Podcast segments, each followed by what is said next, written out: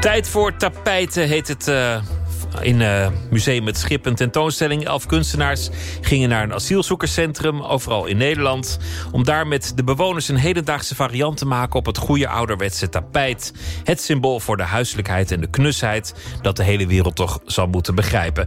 Verslaggever Luc Heesen die nam een kijkje bij de opbouw van de tentoonstelling. Goed. En dan moeten we die buitenkant gelijk zetten. Ik denk die. In de twee zalen in Museum Het Schip hangen elf tapijten, waarvan er geen twee hetzelfde zijn. Er is een klassiek geweven tapijt, er is er een gevild, een ander is ontstaan door houten blokken met touw aan elkaar te maken en er is zelfs een videotapijt. Een collage van gefilmde handen die samen in één beeld zijn gemonteerd. Op deze manier komt het Tibet en dan hadden we mensen, uh, deelnemers uit Afghanistan, uh, Iran, Irak, Turkije, Syrië, uh, een paar Afrikaanse landen en uh, Koerdistan. Nosrat Mansouri is een van de elf kunstenaars van Stichting De Vrolijkheid die een tapijt heeft gemaakt met asielzoekers. Hij is zelf in de jaren 90 gevlucht uit Iran en woont sindsdien in Nederland. Ik kom uit een vertelcultuur. En uh, als ik ook beelden maak, dan is het, het is vertellend. Ook voor Nosrat geen geweven tapijt met leuke figuurtjes.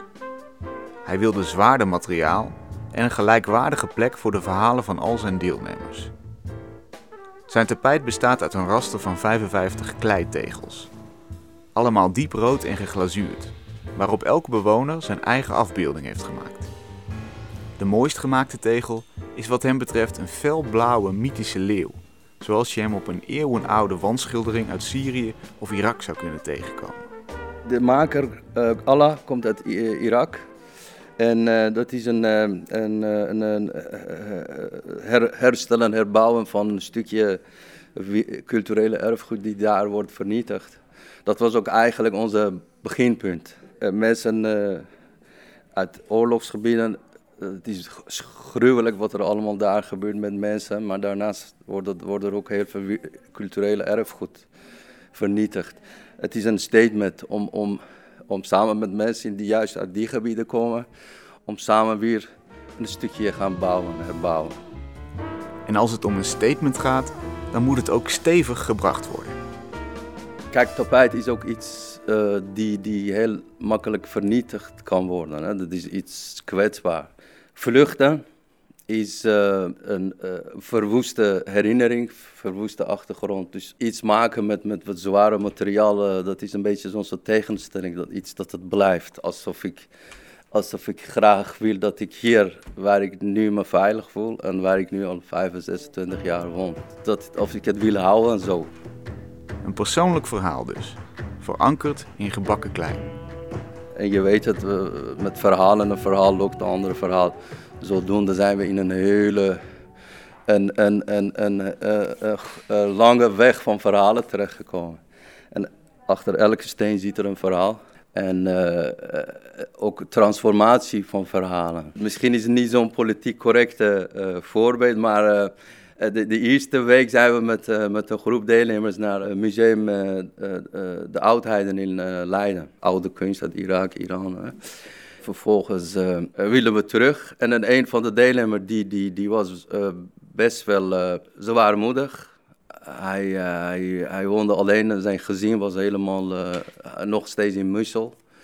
En dus hij keek af en toe een beetje diep in de, in de glas.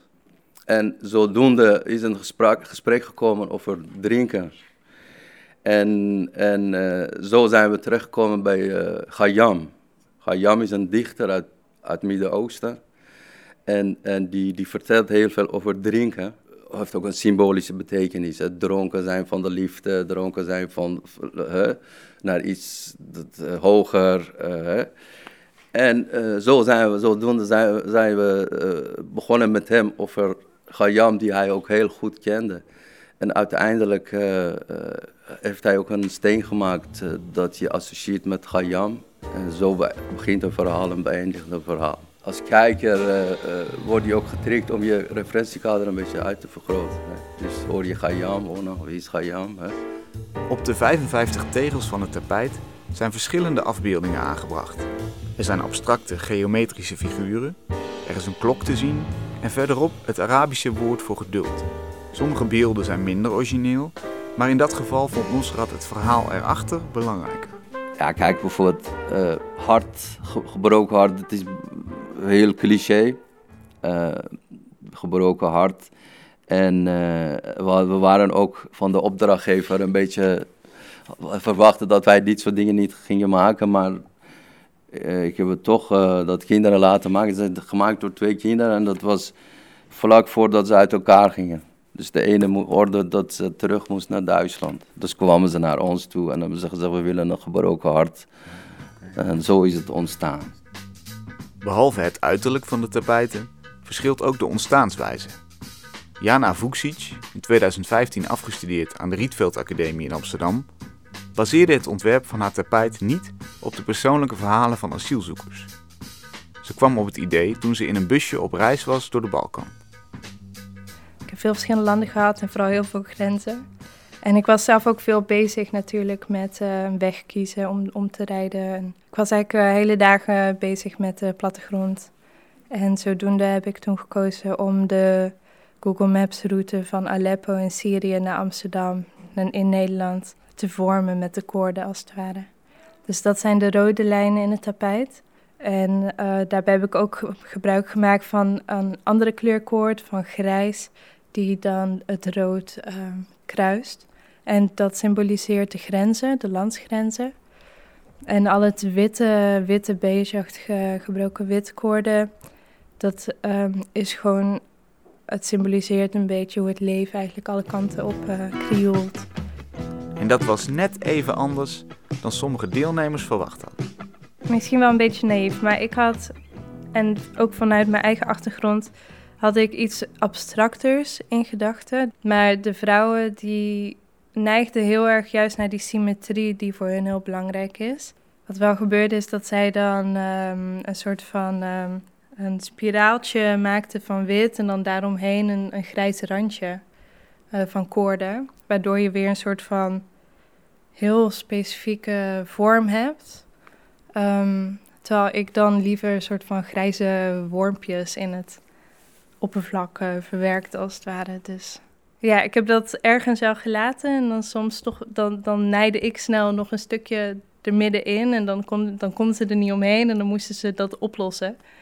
En ik denk dat dat, uh, ja, dat was wel leuk. Het ging Jana in het werkproces niet zozeer om de persoonlijke verhalen, maar meer om het universele gegeven dat elk leven onvoorspelbaar is. We hebben het niet zozeer gehad over hun leven dat ze nu niet meer hebben. Ik ben geen therapeut en uh, uh, ik had daar ook niet zozeer een interesse in om, om daar heel erg op in te gaan. Mijn ouders uh, komen uit Joegoslavië, uit Kroatië. En zij zijn vertrokken uit de Joegoslavische oorlog uh, en ik ben vervolgens in Nederland geboren. Wat mij persoonlijk ook heeft gefascineerd, omdat het ook een, een, een, een grote lijn is uh, in um, mijn eigen achtergrond, is eigenlijk juist die transitie. En dat we nooit stilstaan. Het is niet dat zij aankomen en dat dat het was. Ze krijgen verblijfsvergunning en uh, dan is het goed. Maar juist zeg maar die, uh, die liminal uh, situatie waarbij je, je nooit zeker weet of je op de plek bent waar je moet zijn. Of hoort te zijn of hoe het zou moeten zijn. Um, dat dat altijd een beetje vaag is. Vaak weet je pas achteraf, misschien kunnen ze hier niet blijven en eindigen ze weer ergens waar ze dan juist weer uh, wel um, tot hun recht kunnen komen. Hoe interessant ze ook zijn geworden, Jana en Nosrat zijn het erover eens dat het project om meer draait dan alleen de fysieke tapijten. Voor mij is het tapijtenproject heel erg geweest juist om echt urenlang met mensen uh, op de grond om een canvas heen te zitten en eraan te werken en uh, die wisselwerking. Uh, het gaat niet alleen om verhaal, de inhoud van het verhaal, maar ook de manier, de macht van vertellen. We zijn hier en uh, uh, uh, we moeten accepteren dat we er zijn. En de gast hier moet ook, of gastvrouw moet ook accepteren dat we er zijn. En dan samen kijken, nou, hoe kunnen we samen zijn? Dat is een beetje in plaats van elkaar negeren. Nee, het is gewoon realiteit. Accepteer wat het, hoe het is en dan kijk hoe het verder moet.